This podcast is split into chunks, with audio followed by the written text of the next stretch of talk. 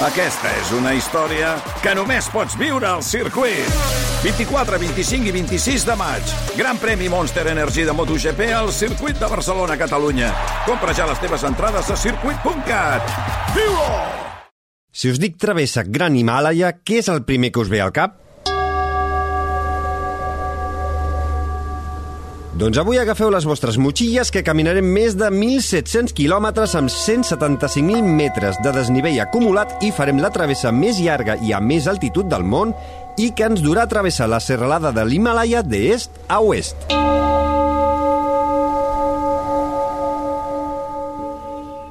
RAC més i Comut, l'aplicació mòbil per a navegació i planificació de rutes, us ofereixen quilòmetre vertical amb Xavi Alujas.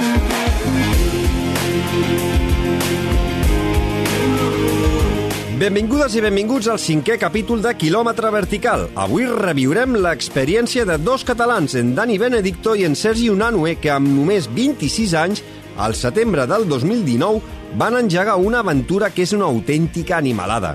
Van travessar caminant sense assistència ni guies al Nepal, d'est a oest, per la ruta més alta possible, resseguint senders, camins i collades per sobre dels 5.000 metres d'altura.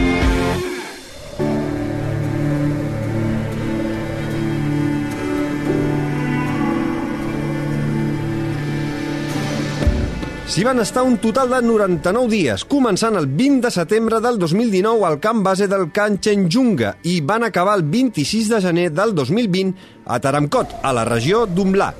Van gaudir de paisatges d'un altre planeta i van estar molt a prop de 8 de les 14 muntanyes més altes del món, com el mateix Kanchenjunga, el Makalu, el Lhotse, l'Everest, el Choyu, el Manaslu, l'Annapurna i el Daulagiri.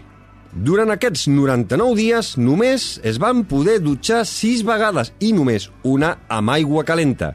Gairebé cada dia menjaven dal bat i molts dies van haver d'acampar en llocs inhòspits amb temperatures per sota dels 0 graus. Tot això carregant sempre les seves motxilles de gairebé 25 quilos de pes.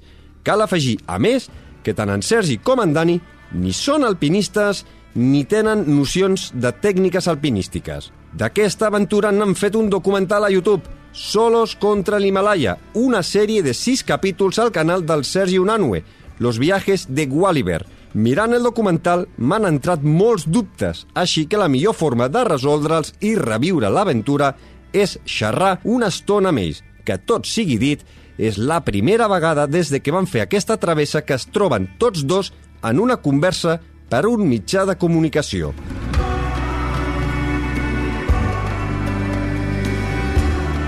Sergi Unanue i Dani Benedicto, benvinguts a Quilòmetre Vertical. Hola, moltes gràcies. Bon dia.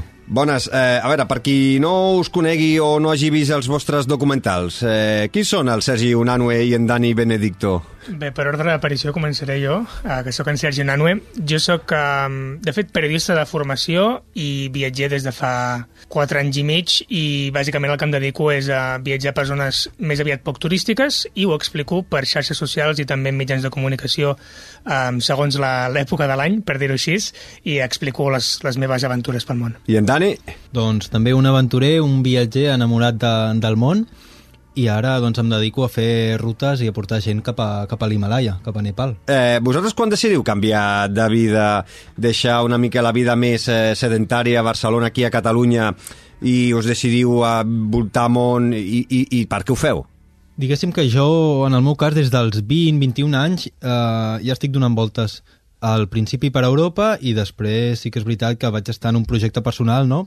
d'intentar donar la volta al món sense avions, que vaig estar dos anys doncs, fent autostop. I podríem dir que a mi això de viatjar i de ser, diguéssim, nòmada, eh, des de sempre m'ha agradat molt. Sí, jo vaig prendre la decisió um, quan tenia 24 anys, sabia que m'agradava viatjar i en un determinat moment em vaig dir que potser podia com a mínim intentar com era la vida de, de nòmada, com era la vida de nòmada digital, perquè volia guanyar-me la vida d'alguna manera mentre viatjava i amb aquesta intenció doncs, vaig deixar la feina que tenia a Barcelona i vaig començar a viatjar amb la sort de que efectivament doncs, m'he pogut guanyar la vida més o menys mm, acceptable, el just per sobreviure, però el just per mantenir aquest estil de vida que ara, mirant-ho en perspectiva, doncs sé que és el que em fa més feliç. Mm, Ara parlem eh, de la travessa del Gran Himalaya, eh, però primer jo crec que mm, per entendre aquesta gran aventura primer cal saber com vosaltres dos us arribeu a conèixer, perquè teniu, teniu una història curiosa.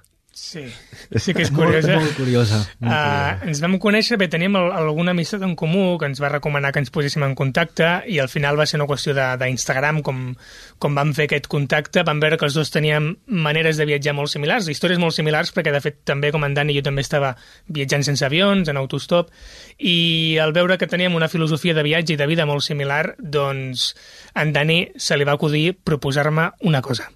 Sí, la veritat és que li vaig proposar al Sergi sense conèixer-nos, perquè encara no ens, no ens coneixíem, de trobar-nos a Mongòlia, a la capital, a Ulaanbaatar, per comprar-nos tres cavalls i recórrer l'estepa de, de Mongòlia, els dos junts.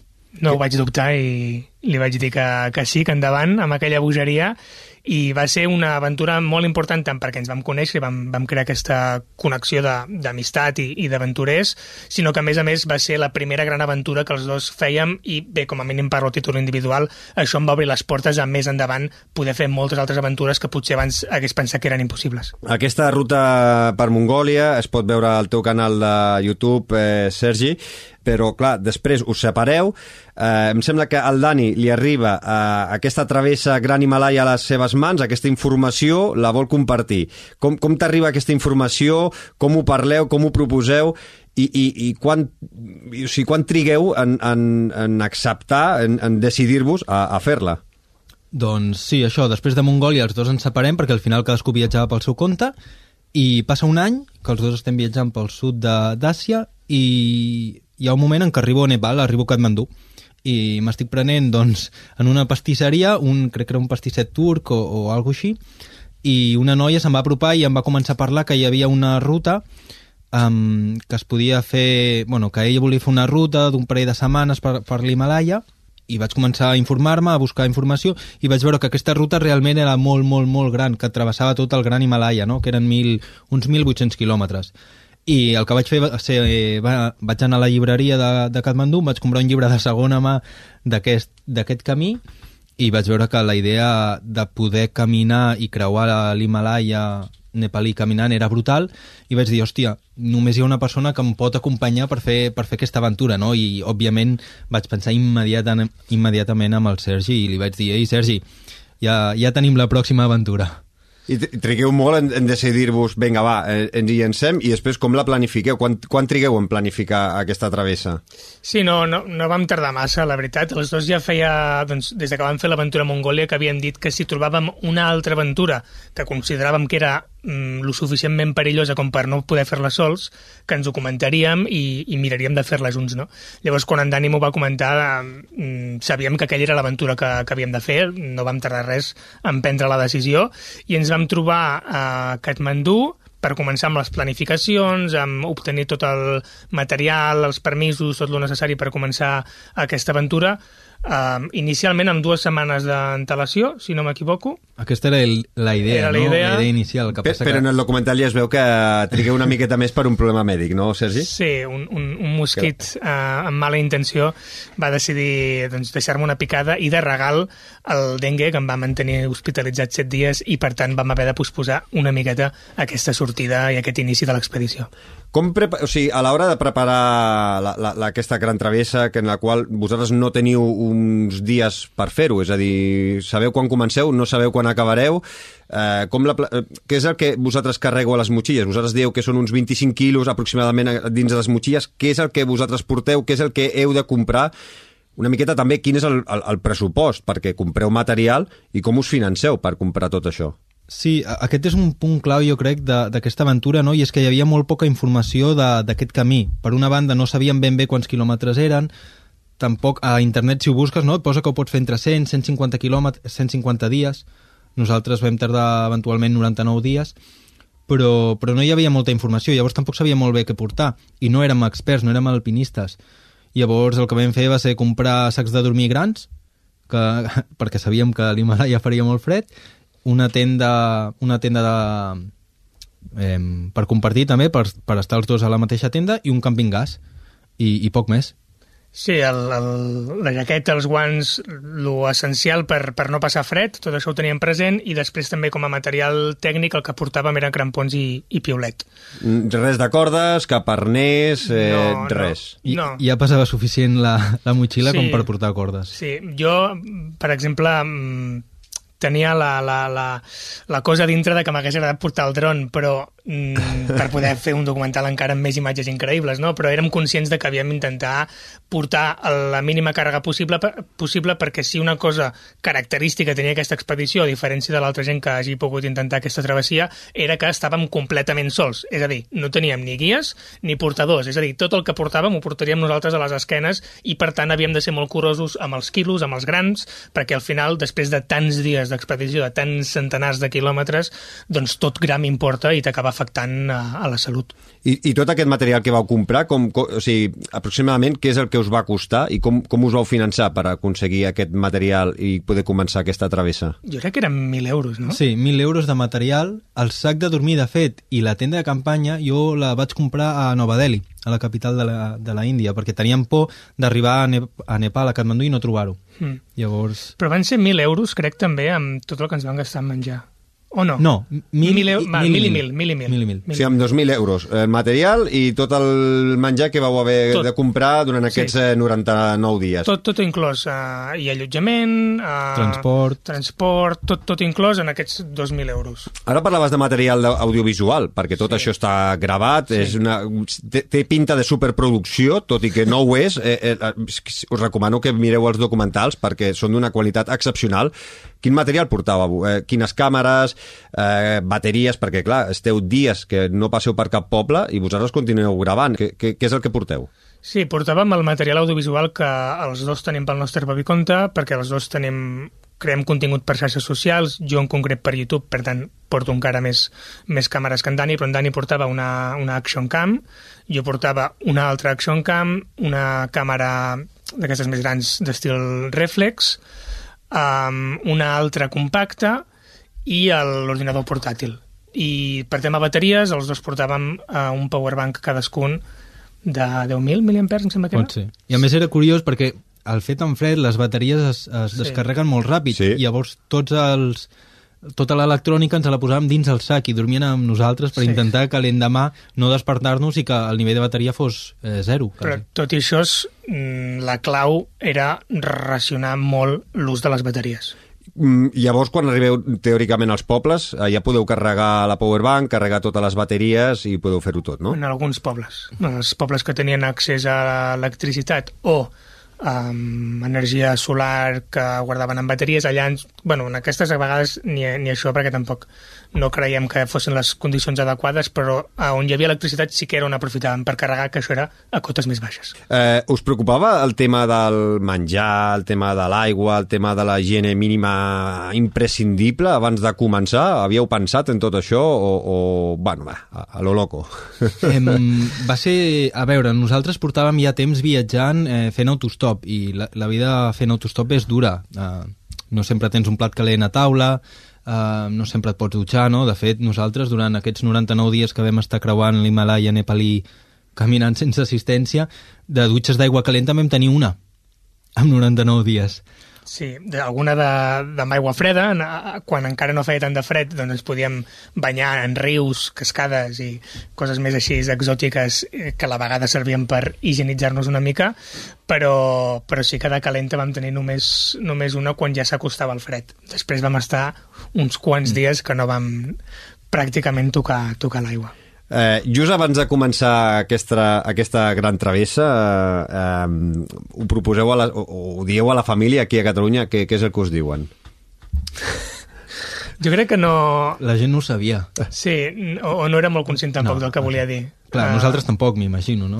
Fins, a un, fins a un punt. Un, un mínim sí, que érem Un mínim, conscients sí. de, de on ens estàvem ficant, però sí que a l'hora d'explicar-ho potser tampoc no, no vam voler indagar moltíssims en, en els riscos que, que hi havia um, per no preocupar no? El, els familiars, però d'entrada, tant en Dani com jo hem tingut doncs, la sort de que ens donen suport amb les nostres aventures, amb les nostres bogeries, i en aquest cas també va així, i malauradament doncs, sí que va haver-hi èpoques que estàvem bastants dies, fins i tot setmanes, sense cobertura, i en aquest moment sí que la gent que ens esperava a casa doncs, estava patint més que en d'altres moments que sí que podíem estar contínuament dient estem bé, avui hem arribat a bon puesto i estem bé.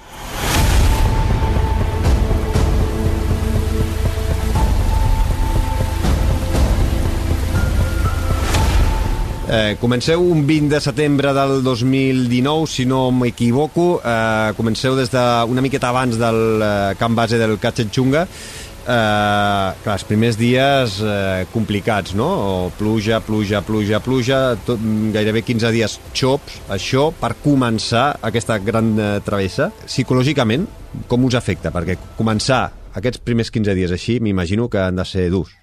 Sí, sí, ens, ens va fer caldo. De fet, eh, me'n recordo, no? Portàvem un parell de setmanes constantment plovent, els mitjons doncs, humits les 24 hores del dia i, i jo pensava, hòstia, portem dues setmanes patint i encara no ha arribat l'hivern. Què passarà al desembre o, al, o en ple gener quan realment hi hagi neu i faci fred? Però, per sort, el que va passar, no?, que aquell any que vam començar el Monzó es va allargar una mica més i va estar plovent una mica més, diguéssim, del compte, no? Però després vam tenir una mica més de bon temps i sí que és veritat que cap a desembre, gener, va començar el fred, fred, fred. Eh, la idea inicial eh, era potser arribar sempre a poblats, poder dormir sota cobert, arribar a dormir en cabanes, clar, a vegades les previsions doncs es complicaven, no arribàveu i havíeu d'acampar. Es fa dur acampar a 10 sota 0 després de 10-12 hores caminant, eh, això a nivell físic i psicològic, com, com ho afronteu? En Dani fa que no amb el cap, però jo, jo discrepo. A mi sí que m'afectava. Aviam, potser un cop no, no t'afecta, t'ho pots prendre amb més, amb més filosofia, però després de 90 dies, quan estàvem ja molt cansats físicament i psicològicament, òbviament és un, és un desgast molt important. Segurament és mm, l'obstacle més important que hi ha en una travessia com aquesta és la durada, no? la resistència que pots tenir durant tant de temps. Acampar una nit a menys de 10 graus, doncs per això crec que feia que no a, a, en Dani amb el cap, bueno, no passa res, ho fas, et poses tota la roba, et fiques dins dels dos sacs de dormir que portàvem, mm, t'ajuntes amb el teu company, intentes comprar-te una mica de, de, de l'escalfor que puguem generar amb els nostres cossos i, i ja està, i lo passes. El que passa és que després de tants dies sí que vam arribar a un nivell d'esgotament mental que és, insisteixo, jo crec, el motiu pel qual la, la majoria de gent acaba abandonant amb expedicions com aquestes acostuma a ser per aquest desgast. De 99 dies, aproximadament teniu calculat els dies que us va tocar acampar? Um, més o menys un, un 20%, jo diria. Un, un, de cada, un de cada cinc. Dieu eh, que hi ha molts pobles nepalesos que cada cop són menys eh, hospitalaris. Eh? No, no sé què és el que us fa veure el poble nepalès d'aquesta manera. El poble nepalès jo crec que culturalment doncs, té la tendència a ser un poble hospitalari. Però com passa tot arreu, quan el capitalisme descontrolat deixa pas al turisme de masses també descontrolat, um, provoca moltes desigualtats i Nepal no és una excepció. Els veïns que parlen anglès tenen iPhones i tenen televisions de plasma i al seu costat els veïns que no parlen anglès doncs malviuen, mm, els preus de les, dels productes bàsics dels seus pobles pugen de preu per culpa del turisme i el que fa és augmentar les diferències entre uns i altres. No? Llavors sí que ens trobàvem que en algunes regions, en les regions sobretot on hi havia més turisme, no teníem aquesta hospitalitat que sí que podíem experimentar en altres, en altres països, en altres regions, i el que rebíem era més aviat, doncs, el voler buscar la manera de treure diners, perquè és la manera com allà han descobert que es poden guanyar la vida. Llavors, és, és el que passa, insisteixo, quan no es controla el turisme i quan es provoquen aquestes desigualtats tan grans en, en regions on és difícil normalment doncs, tenir un, una qualitat de vida alta. Eh, durant aquests 99 dies eh, heu patit accidents, entrebancs, malalties, que us hagi fet dubtar en algun moment d'abandonar, de plegar, eh, sense estar complicant la cosa, sense estar anant de mare, o per sort, doncs, tot va anar com teníeu vosaltres planejat? Jo crec que no hi va haver cap moment que diguéssim, ostres, mm, hem tingut aquest accident, potser ens ho hem de plantejar de deixar, sinó que era tot el cansanci acumulat, el que potser en algun moment sí que ens va fer dubtar, no? Però la veritat que vam calcular molt bé les etapes, um, i no, no vam tenir cap accident, cap cosa greu, a part, sí que és veritat, tu, Sergi, se't van congelar els dits. Sí, es van congelar els dits, vaig tenir paràsits, Ah, és veritat. mal d'altura, un edema cerebral, o sigui, tot el que podia passar em va passar a mi. De, És veritat, és, ho havia oblidat. En Dani té un cos uh, més adaptat um, per a aquestes circumstàncies. Si hi hagués un apocalipsis, el seu cos estaria molt més preparat. Um, però sí, coses em van passar i, com comenta en Dani, al final no era que en aquell moment en concret ens plantegessin de deixar-ho, sinó que una cosa anava sumant, anava sumant, i anava acumulant aquest, aquest desgast mental, però tant ell com jo veníem entrenats mentalment d'aquesta vida nòmada i no ens vam arribar a plantejar mai el, el deixar-ho en, en cap punt. I, de fet, crec que una de les coses més bones que tenim l'equip, en Sergi i jo, és que um, utilitzàvem l'humor constantment, diàriament, amb tot. Llavors, cada dia, encara que ho estiguéssim passant malament, doncs eh, les botes molles o um, un guà foradat, el que fos, um, ostres, ens ho preníem tot i sempre acabàvem rient i traient la part positiva de, de qualsevol situació, no? I llavors això doncs, va fer que, que el camí fos, fos molt més pla, tot i que vam fer més de 176.000 metres de desnivell acumulat, si no m'equivoco. de, Déu-n'hi-do. Déu-n'hi-do. Que- Abans ho dèieu, eh? vosaltres no sou alpinistes. No. Eh, Sou simplement senderistes de caminar, de fer autostop, de viatjar, eh, qualsevol medi. Clar, aquí, nosaltres aquí a Catalunya tenim el, el, el Pirineu, tenim grans rutes. Vosaltres, rutes d'aquestes de, de, de muntanya aquí a casa nostra, eh, n'heu fet? Eh, rutes d'un dia, dos dies, tres dies? Heu fet una a cavalls del vent, per exemple? Heu fet una carros de foc? A veure, al- alguna sortida puntual, per exemple, he pujat el, el Carlit, però vaja, és, és incomparable amb, amb, amb el que vam fer després a, a l'Himàlaia. Llavors, són sortides d'allò més normals que, que crec que la majoria de, de persones a Catalunya, que per sort tenim aquesta cultura de visitar la muntanya sovint, doncs deu haver fet. Crec que més, hem fet més fora de, de sí. Catalunya, no? Per exemple, el Sergi, sis mesos abans de, de que ens plantegéssim creuar l'Himalaya Nepal i caminant, tu et vas creuar a Cambodja caminant, i jo paral·lelament em vaig creuar a Laos caminant, que vam estar un mes, un mes i poc. Llavors sí que potser tenim més experiència fora de casa que no pas, que no pas aquí. I us havíeu posat en algun moment eh, abans d'aquesta travessa eh, uns grampons? Havíeu agafat algun piolet alguna vegada o no? No, No. no, no. no. És que és, és important, perquè ara, ara, ara, ara en parlarem, eh? Us vau arribar a perdre molt? Eh, heu perdut moltes hores eh, No. recuperant camí o, per sort, amb els mapes, amb, el, amb la bona planificació, vau poder seguir el camí original que teníeu no, pensat? Crec, crec que ho vam fer molt bé a nivell d'orientació. Sí que, òbviament, alguna vegada ens vam perdre, però molt i molt poc, mm, molt poques hores comparades amb els dies i dies i dies d'expedició. Llavors, mm, en aquest sentit ho vam fer molt i molt bé. Eh, això sí que va ser mèrit de- d'en de, Dani, que era qui portava els mapes, el GPS, i, i entre, entre mapes, GPS i preguntar a les persones que ens anàvem trobant, doncs anàvem trobant el camí que era necessari. Perquè els camins eh, no són com aquí com el GR, no? que està marcat de blanc i vermell. No. No, no.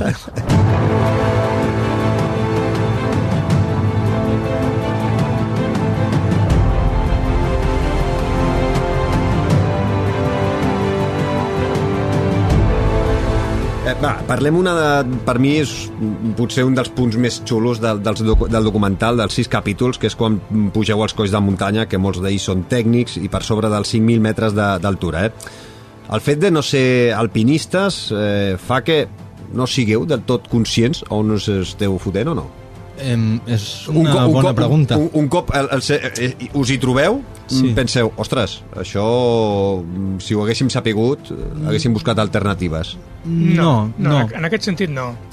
No, òbviament, eh, l'experiència és un grau molt important que nosaltres en aquell moment no, no podíem aconseguir de cap altra manera que no fos amb la pròpia pràctica. No? El que sí que vam fer van ser els deures d'aprendre'ns tota la part teòrica. Els dies aquests de, de preparació que vam estar a Katmandú i també pel nostre propi compte abans vam estar llegint al respecte, mirant doncs, eh, cursos per, per internet, al YouTube, etc etc. Llavors tota la part teòrica la vam cobrir i sí que ens vam prendre els primers dies de l'expedició, que eren més, més, més senzills, no? No, no tan tècnics, per habituar-nos al que era la muntanya, habituar-nos també a la utilització dels crampons, del piolet, i llavors en les situacions que ens vam trobar amb ports ja més complicats, de més de 100.000 metres, um, que eren considerats tècnics, allà jo crec que la veritat és que ho van fer bastant bé, sí que potser en algun tram ens hagués anat bé tenir unes cordes, en, en algun tram molt concret, però bé, quan ens vam trobar en la situació en concret, crec que vam prendre les decisions encertades i que, mirant-ho en perspectiva, doncs, um, ho, ho vam fer bé. Arriba un dia que heu de decidir creuar la collada de Tashi Lapsta, uh -huh gairebé 5.800 metres d'altura i força tècnic, tothom menys... Una persona es diu que és massa complicat, però us aferreu a l'opinió potser menys catastrofista, eh? això sí. ho, ho expliqueu i decidiu passar-hi. Com ho vau viure i, i què és el que hagués significat no passar per aquella zona? Deixa'm... Ara, digues, vull, digues, vull fer un comentari sobre la, la persona menys catastrofista. No és només la persona menys catastrofista, sinó la única persona que coneixíem que havia creuat el Taxilapse de veritat. La resta d'opinions eren normalment esbiaixades, de guies que volen que els contractis, d'agències de turisme que volen que els contractis, i nosaltres sabíem de la importància del valor d'aquelles opinions. No? Llavors, teníem la sort de conèixer un, un home australià, en Craig, a qui sempre donem les gràcies, que ell havia pogut fer el recorregut abans que nosaltres i ell ens donava informació més verídica sobre el que ens trobaríem allà i sobre el que havíem de fer per superar el port. Sí, i a més el dia, no? El dia abans d'intentar creuar un parell de dies abans vam coincidir amb una persona que venia de l'altra banda Sí.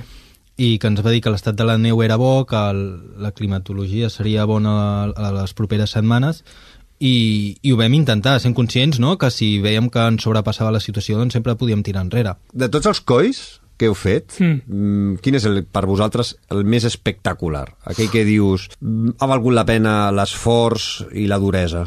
A veure, jo tinc el meu, no sé quin serà el d'en Dani. A veure, el jo, Sergi. crec, jo crec que també és el Sí? mateix, eh? Per mi va ser el Taxilapse. Sí. Sí, tu 100%. també? I tant, i tant, i tant. El més complet, no? Sí, tam Vam- també hi ha una part important a, a, l'hora de valorar l'espectacularitat eh, personal que un obté al superar un port, que és quan has patit per superar-ho, no? Quan més pateixes, més gratificant acostuma a ser. En aquest port el van patir molt, i a més a més, jo vaig veure unes coses que no havia vist mai, que era veure com es desglaçaven uh, les, les, els cims que ens rodejaven, recordo veure caure blocs de gel gegantins, um, i la travessia com a tal era molt completa, com estaves dient tu, Dani. Sí, a més, eh, vam haver d'utilitzar cordes fixes que hi havia, Mhm. eh, estàvem a 5.800 metres, doncs que a nivell anatòmic no, doncs sentíem unes coses que anteriorment no havíem sentit mai, eh, el cansament, una mica de mal d'altura, potser en alguna ocasió, um, i després també que vam tenir molt bon temps, llavors vam poder veure una profunditat de, de les valls increïbles, fins a centenars de... Bueno, centenars, desenes de quilòmetres de, de glaceres. Va ser el més espectacular. El Sergi fa una reflexió que per mi és molt interessant. Dius que, tot i que aneu tots dos, passeu moltes hores caminant sols, amb els vostres pensaments, i que a partir del segon mes d'expedició els pensaments es repetien i, es troba, i et trobaves atrapat en, en la teva pròpia ment, no? Vau tenir tots dos aquesta sensació d'estar atrapats amb vosaltres mateixos i, i quina és aquesta sensació i com se'n surt? Perquè, clar, encara quedaven dos mesos més de- d'expedició. Um, en el meu cas, um, el que sí que repetia eren les converses entre el Sergi i jo.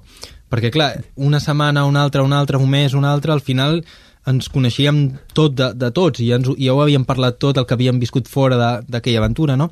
Llavors, eh, les converses es repetien i jo personalment, quan caminava, quan camino em concentro molt i, i entro com en, no, en un estat de meditació i, i vaig eh, amb un objectiu clar. Llavors, crec que al Sergi li dona més a, a, al cap que no pas jo. Jo en aquest sentit potser sóc més simple i vaig amb un objectiu i l'objectiu és arribar, no?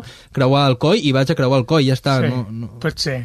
Pot ser, sí, sí. Jo sí que en- entrava en aquest estat de meditació, però sí que és menys, menys zen que tu, potser, perquè el que sí que em passava era que el cos m'anava sol, no? arriba un moment que entres en automàtic, el cos va tirant i tu estàs amb els teus pensaments. I com bé dius, doncs els, els primers mesos um, està bé, poses els teus pensaments en ordre, penses en coses que normalment que estàs distret amb tot el que tenim a, aquí la vida civilitzada, doncs no li pares atenció i em va servir molt, no?, per posar les coses al seu lloc. Sí que arribats a un cert punt vaig tenir aquesta sensació, que explico en el documental, de, de quedar-me atrapat en el meu propi camp, no? que sigui com una, com una presó perquè ja es repetien els pensaments mm, i sentia que no sabia trobar noves, nous camins um, per seguir alimentant doncs, aquesta, aquestes ganes de seguir pensant. No?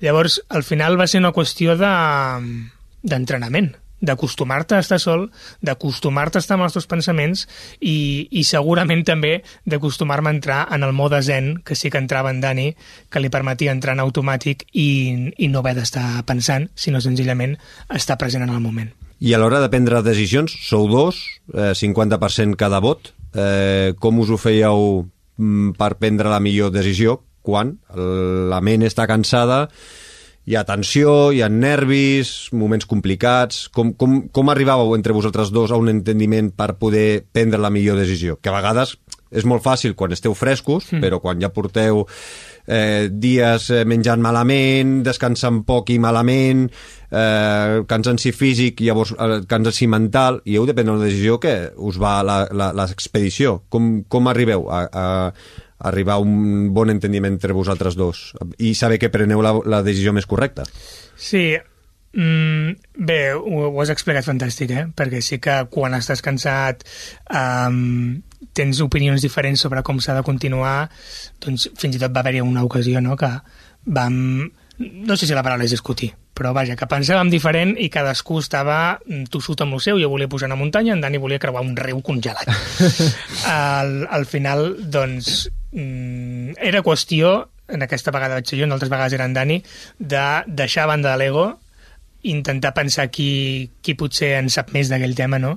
I després de portàvem ja potser 80, no, 70 dies caminant per les muntanyes, sabia que en Dani hi ha coses que se li donen millor, hi ha coses que em donen millor a mi, en aquest cas confiava més en el criteri d'en Dani que en el meu propi, i, i vam decidir prendre la seva decisió i va ser l'encertada tenia raó ell. Havíem de creuar el riu congelat, per molt terrorífic que soni, era el que havíem de fer.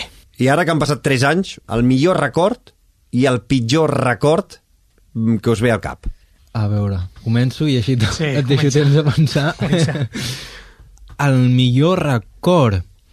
Doncs mira, jo tinc un record molt maco d'un dia que no vam arribar al poble on volíem, on volíem dormir, crec que era la regió de, de Sagarmata, de, de l'Everest, i, i vam veure que hi havia una, petit, una petita tenda i llavors ens vam esperar fora a veure si entrava algun senyor o alguna senyora i ens obria per poder, per poder dormir dins, no? I vam estar esperant un parell d'hores a fora i, i finalment quan es va quan el sol es va posar va arribar un senyor, ens va obrir la porta i ens va deixar dormir al, al menjador d'aquella no? tenda i ens va donar, doncs, crec que una mica un dalbat, que és el menjar típic, arròs amb, amb llegums, i va ser una sensació de, de dir, hosti, és que estic, estic visquent la vida que vull i estic, estic feliç, estic dormint al terra, mm, avui potser menjaré calent, però altres dies no, però és que estic aquí perquè vull. I, i la sensació aquesta de satisfacció de dir, hosti, que bé, doncs aquest és un dia important, un dia important. Vale, jo em quedo amb la dolenta. Sí. Um, jo va haver-hi un moment que... Um, Uf, de fet, ara que penso, hi ha com dos, dos moments molt dolents, no? O, o, o més. O més, o més. Però vaja, hi ha, hi ha un, un moment en concret que sí que allà vaig dir mmm, s'acabó. S'ha acabat el joc, fins aquí hem arribat i, i que vaig estar doncs, a punt de, de ficar-me a plorar d'impotència perquè no sabia com sortir d'aquella situació. Molt resumidament, el documental s'explica més bé, però vaja, ens vam trobar a la zona més dura de tot l'Himàlaia, que és a la regió de Dolpa, um, escalant una paret, um, que era la nostra única manera d'avançar. En enrere ja no era una opció perquè implicava doncs, molt probablement caure en un precipici bastant gran i no trobava la manera d'avançar. No? En Dani sí que se n'havien sortit, estava una mica més endavant i jo no trobava la manera d'avançar i allà vaig dir, bé, s'ha acabat aquí, a més no, no era que es puguin venir a rescatar. Uh... Curiosament, en aquell moment no era tan por per mi, sinó com, com podia afectar una eventual mort meva al meu entorn, no? fins a quin punt havia estat egoista de ficar-me en una aventura com aquella quan, quan potser podia afectar a les persones que m'estimo, però, però bé, al final del que hem comentat diverses vegades, no? l'entrenament que ja portàvem a sobre del nostre estil de vida em va permetre mantenir el cap calmat i, i prendre de nou la decisió encertada que era que no havia ni de pujar ni de baixar, sinó d'escalar lateralment per vorejar la muntanya i veure si des d'allà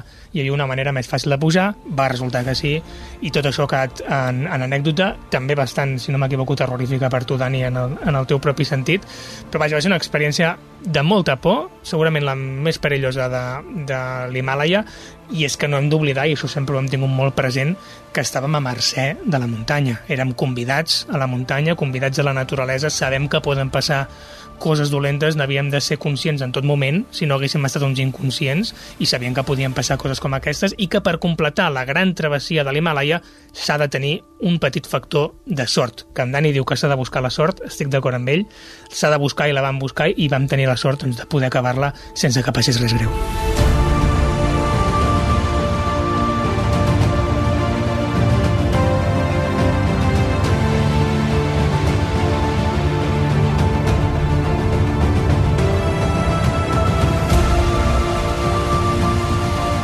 L'èxit d'aquesta travessa, d'aquesta aventura, és la sort? No. Sense sort és impossible fer-la? A veure, hi ha un. O sigui, l'èxit no és la sort, hi ha molts, molts altres factors que determinen l'èxit, però sens dubte la sort és un factor molt important, molt important perquè hi ha coses que no es poden controlar. L'èxit, en aquest sentit, és tot el que vam fer abans de començar a fer la primera passa a, a l'Himalaya, que és arribar amb autostop de Barcelona a Nepal, després, no sé, van ser 30-35.000 quilòmetres, mm, més d'un any. Això va ser el que ens va permetre i el que ens va donar la força per plantejar-nos un repte no? que per molta gent i que segurament ara per nosaltres si ens ho tornéssim a plantejar sembla impossible, no? Crec que aquesta va ser, va ser la clau de tota, tota l'aventura i tot lo curtits que ja estàvem a, al fer els primers passos per, per l'Himalaya. Mm -hmm. eh, ara que parlaves d'aquest moment complicat, Sergi, mm -hmm. eh, teníeu algun pla d'emergència previst en cas d'accident, malaltia greu, de poder-vos posar en contacte si us havien de venir a rescatar perquè us posàveu malalts o, o patíeu Sí. algun accident? Sí, anàvem, anàvem amb un dispositiu GPS doncs, que apretant un botó pots demanar que, que et vinguin a ajudar, que et vinguin a rescatar amb helicòpter i llavors poder sortir d'aquesta situació perquè òbviament anàvem completament assegurats per qualsevol cosa que ens pogués passar. Eh, quants parells de botes heu fet servir per caminar aquests 1.800 quilòmetres gairebé? Un parell, no? Sí, doncs, doncs Perquè hi ha algun moment que es veuen les botes que s'obren per totes bandes. No sé això com, com ho afronteu. Jo, de fet, les tinc al menjador de casa, les primeres botes que van fer 1.200 quilòmetres. La meva mare les ha col·locat al, al menjador de casa. Eh, sí, sí. és una obra d'art. Home, sí, són Amb, molt amb maques. els forats sí. que tenen i tot. Eh, els, les primeres van fer 1.200 quilòmetres. Mm. Que és una autèntica barbaritat i òbviament doncs, estaven molt utilitzades i molt, i molt gastades, però és el que teníem, no? és amb el que havíem de continuar. Per aconseguir noves botes havíem de sortir de les muntanyes i era una cosa que no ens plantejàvem. Eh, quan arribeu a Taramcot, al final de la travessa, us celebreu de- d'alguna manera? No sé en quin estat emocional eh, us trobeu?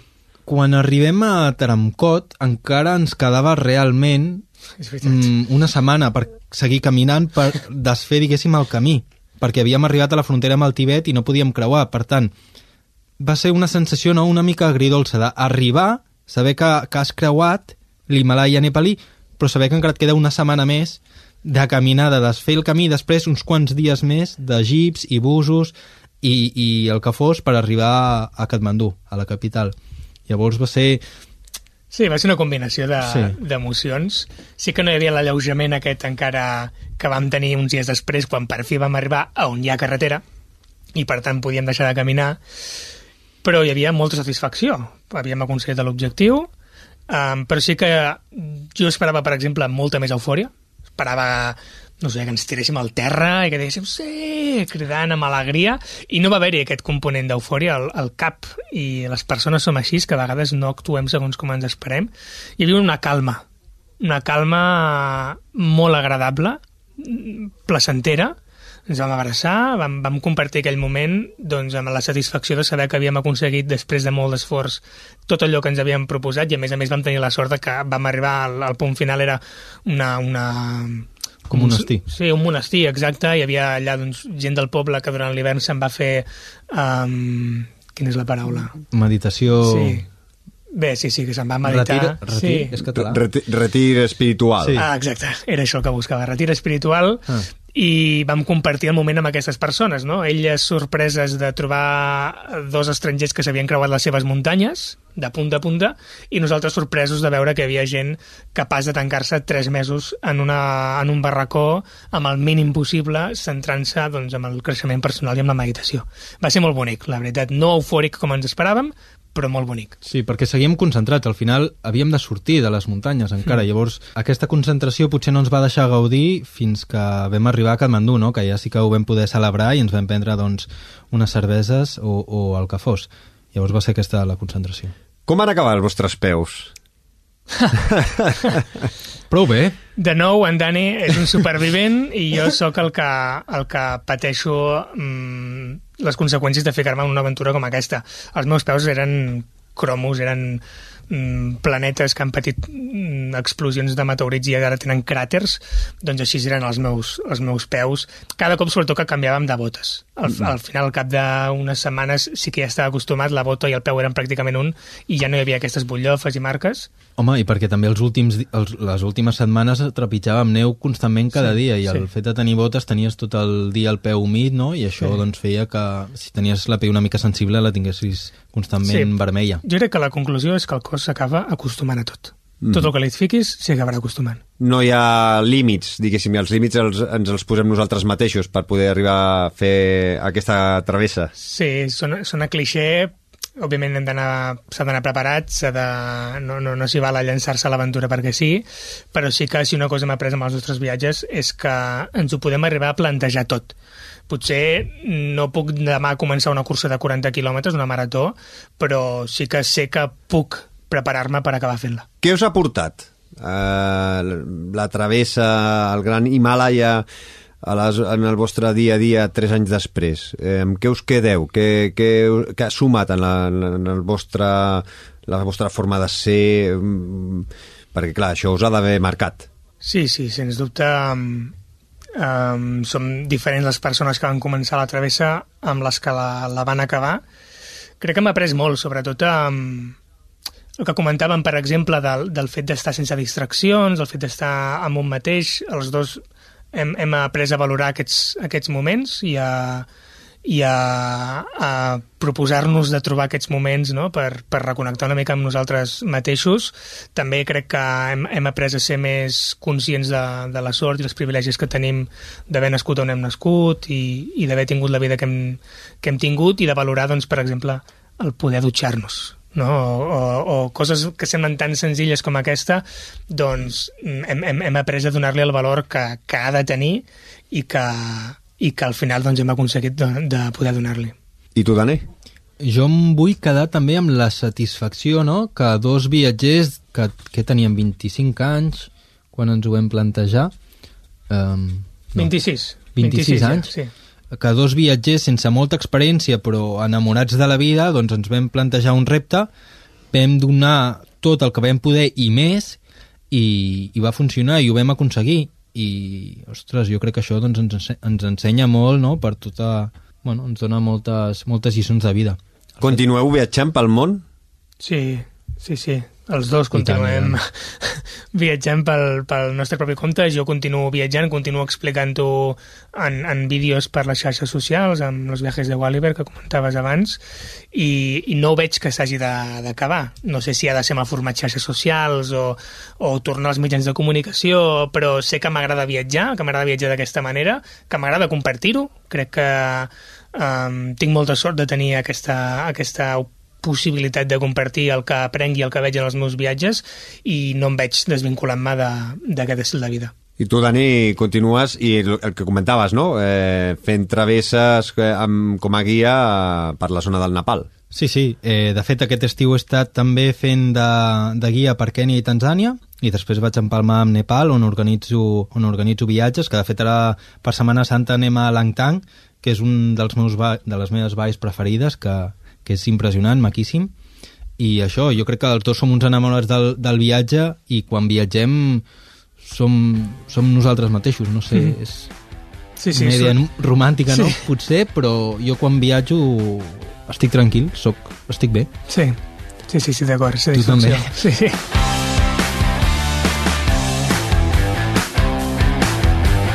A quilòmetre vertical ens agrada conèixer noves rutes i ens agrada que els nostres convidats planifiquin rutes amb Comut, el millor planificador i navegador de rutes. Per això, Sergi i Dani, m'agradaria que em diguéssiu una ruta que us agrada especialment i, i, i l'afegirem a la nostra col·lecció de rutes que trobareu a Comut eh, amb l'usuari de Fem Muntanya.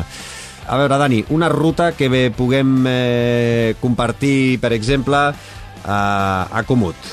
Doncs jo potser conec més rutes a Nepal que no pas aquí a Catalunya, no? Um, la que sí que recomanaria a Nepal és la de la vall de Langtang, és una ruta de 5 dies, a mi m'agrada sempre pujar a un pic de 5.000 metres, que es pot fer en un dia, pujar i baixar, i és impressionant, i, i hi ha una ètnia que és la ètnia Tamang, que és, una, és un poble amb molta personalitat, una gastronomia particular, i, i sempre que puc, sempre que torno a Nepal vaig, vaig a aquella vall i, i dedico uns dies Mm -hmm. a fer la ruta. I tu, Sergi?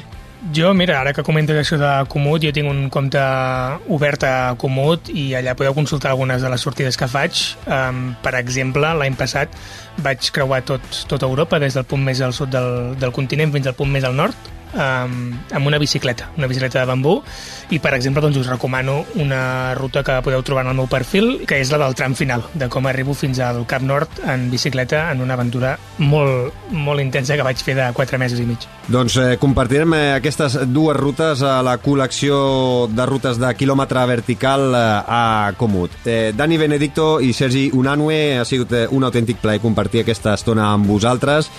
Que vagi molt bé, que tingueu una molt bona ruta i, i una forta abraçada. Fins aviat! Moltes gràcies, igualment. Després de més de 1.700 quilòmetres i 175.000 metres de desnivell acumulat per la serralada de l'Himàlaia, per fi podeu descansar i per fer-ho podeu recuperar la sèrie documental Solos contra l'Himàlaia al canal del Sergi a YouTube, Los viajes de Gualiver. Recordeu que podeu escoltar la resta de capítols de Quilòmetre Vertical o el podcast del Fem Muntanya a qualsevol plataforma o al web femmuntanya.cat. Quilòmetre Vertical tornarà ben aviat amb més històries relacionades amb la muntanya. Fins llavors, gaudiu i sigueu feliços, amb salut seny i, sobretot, molta muntanya! RAC més i Comut, l'aplicació mòbil per a navegació i planificació de rutes, us han ofert quilòmetre vertical amb Xavi Alujas.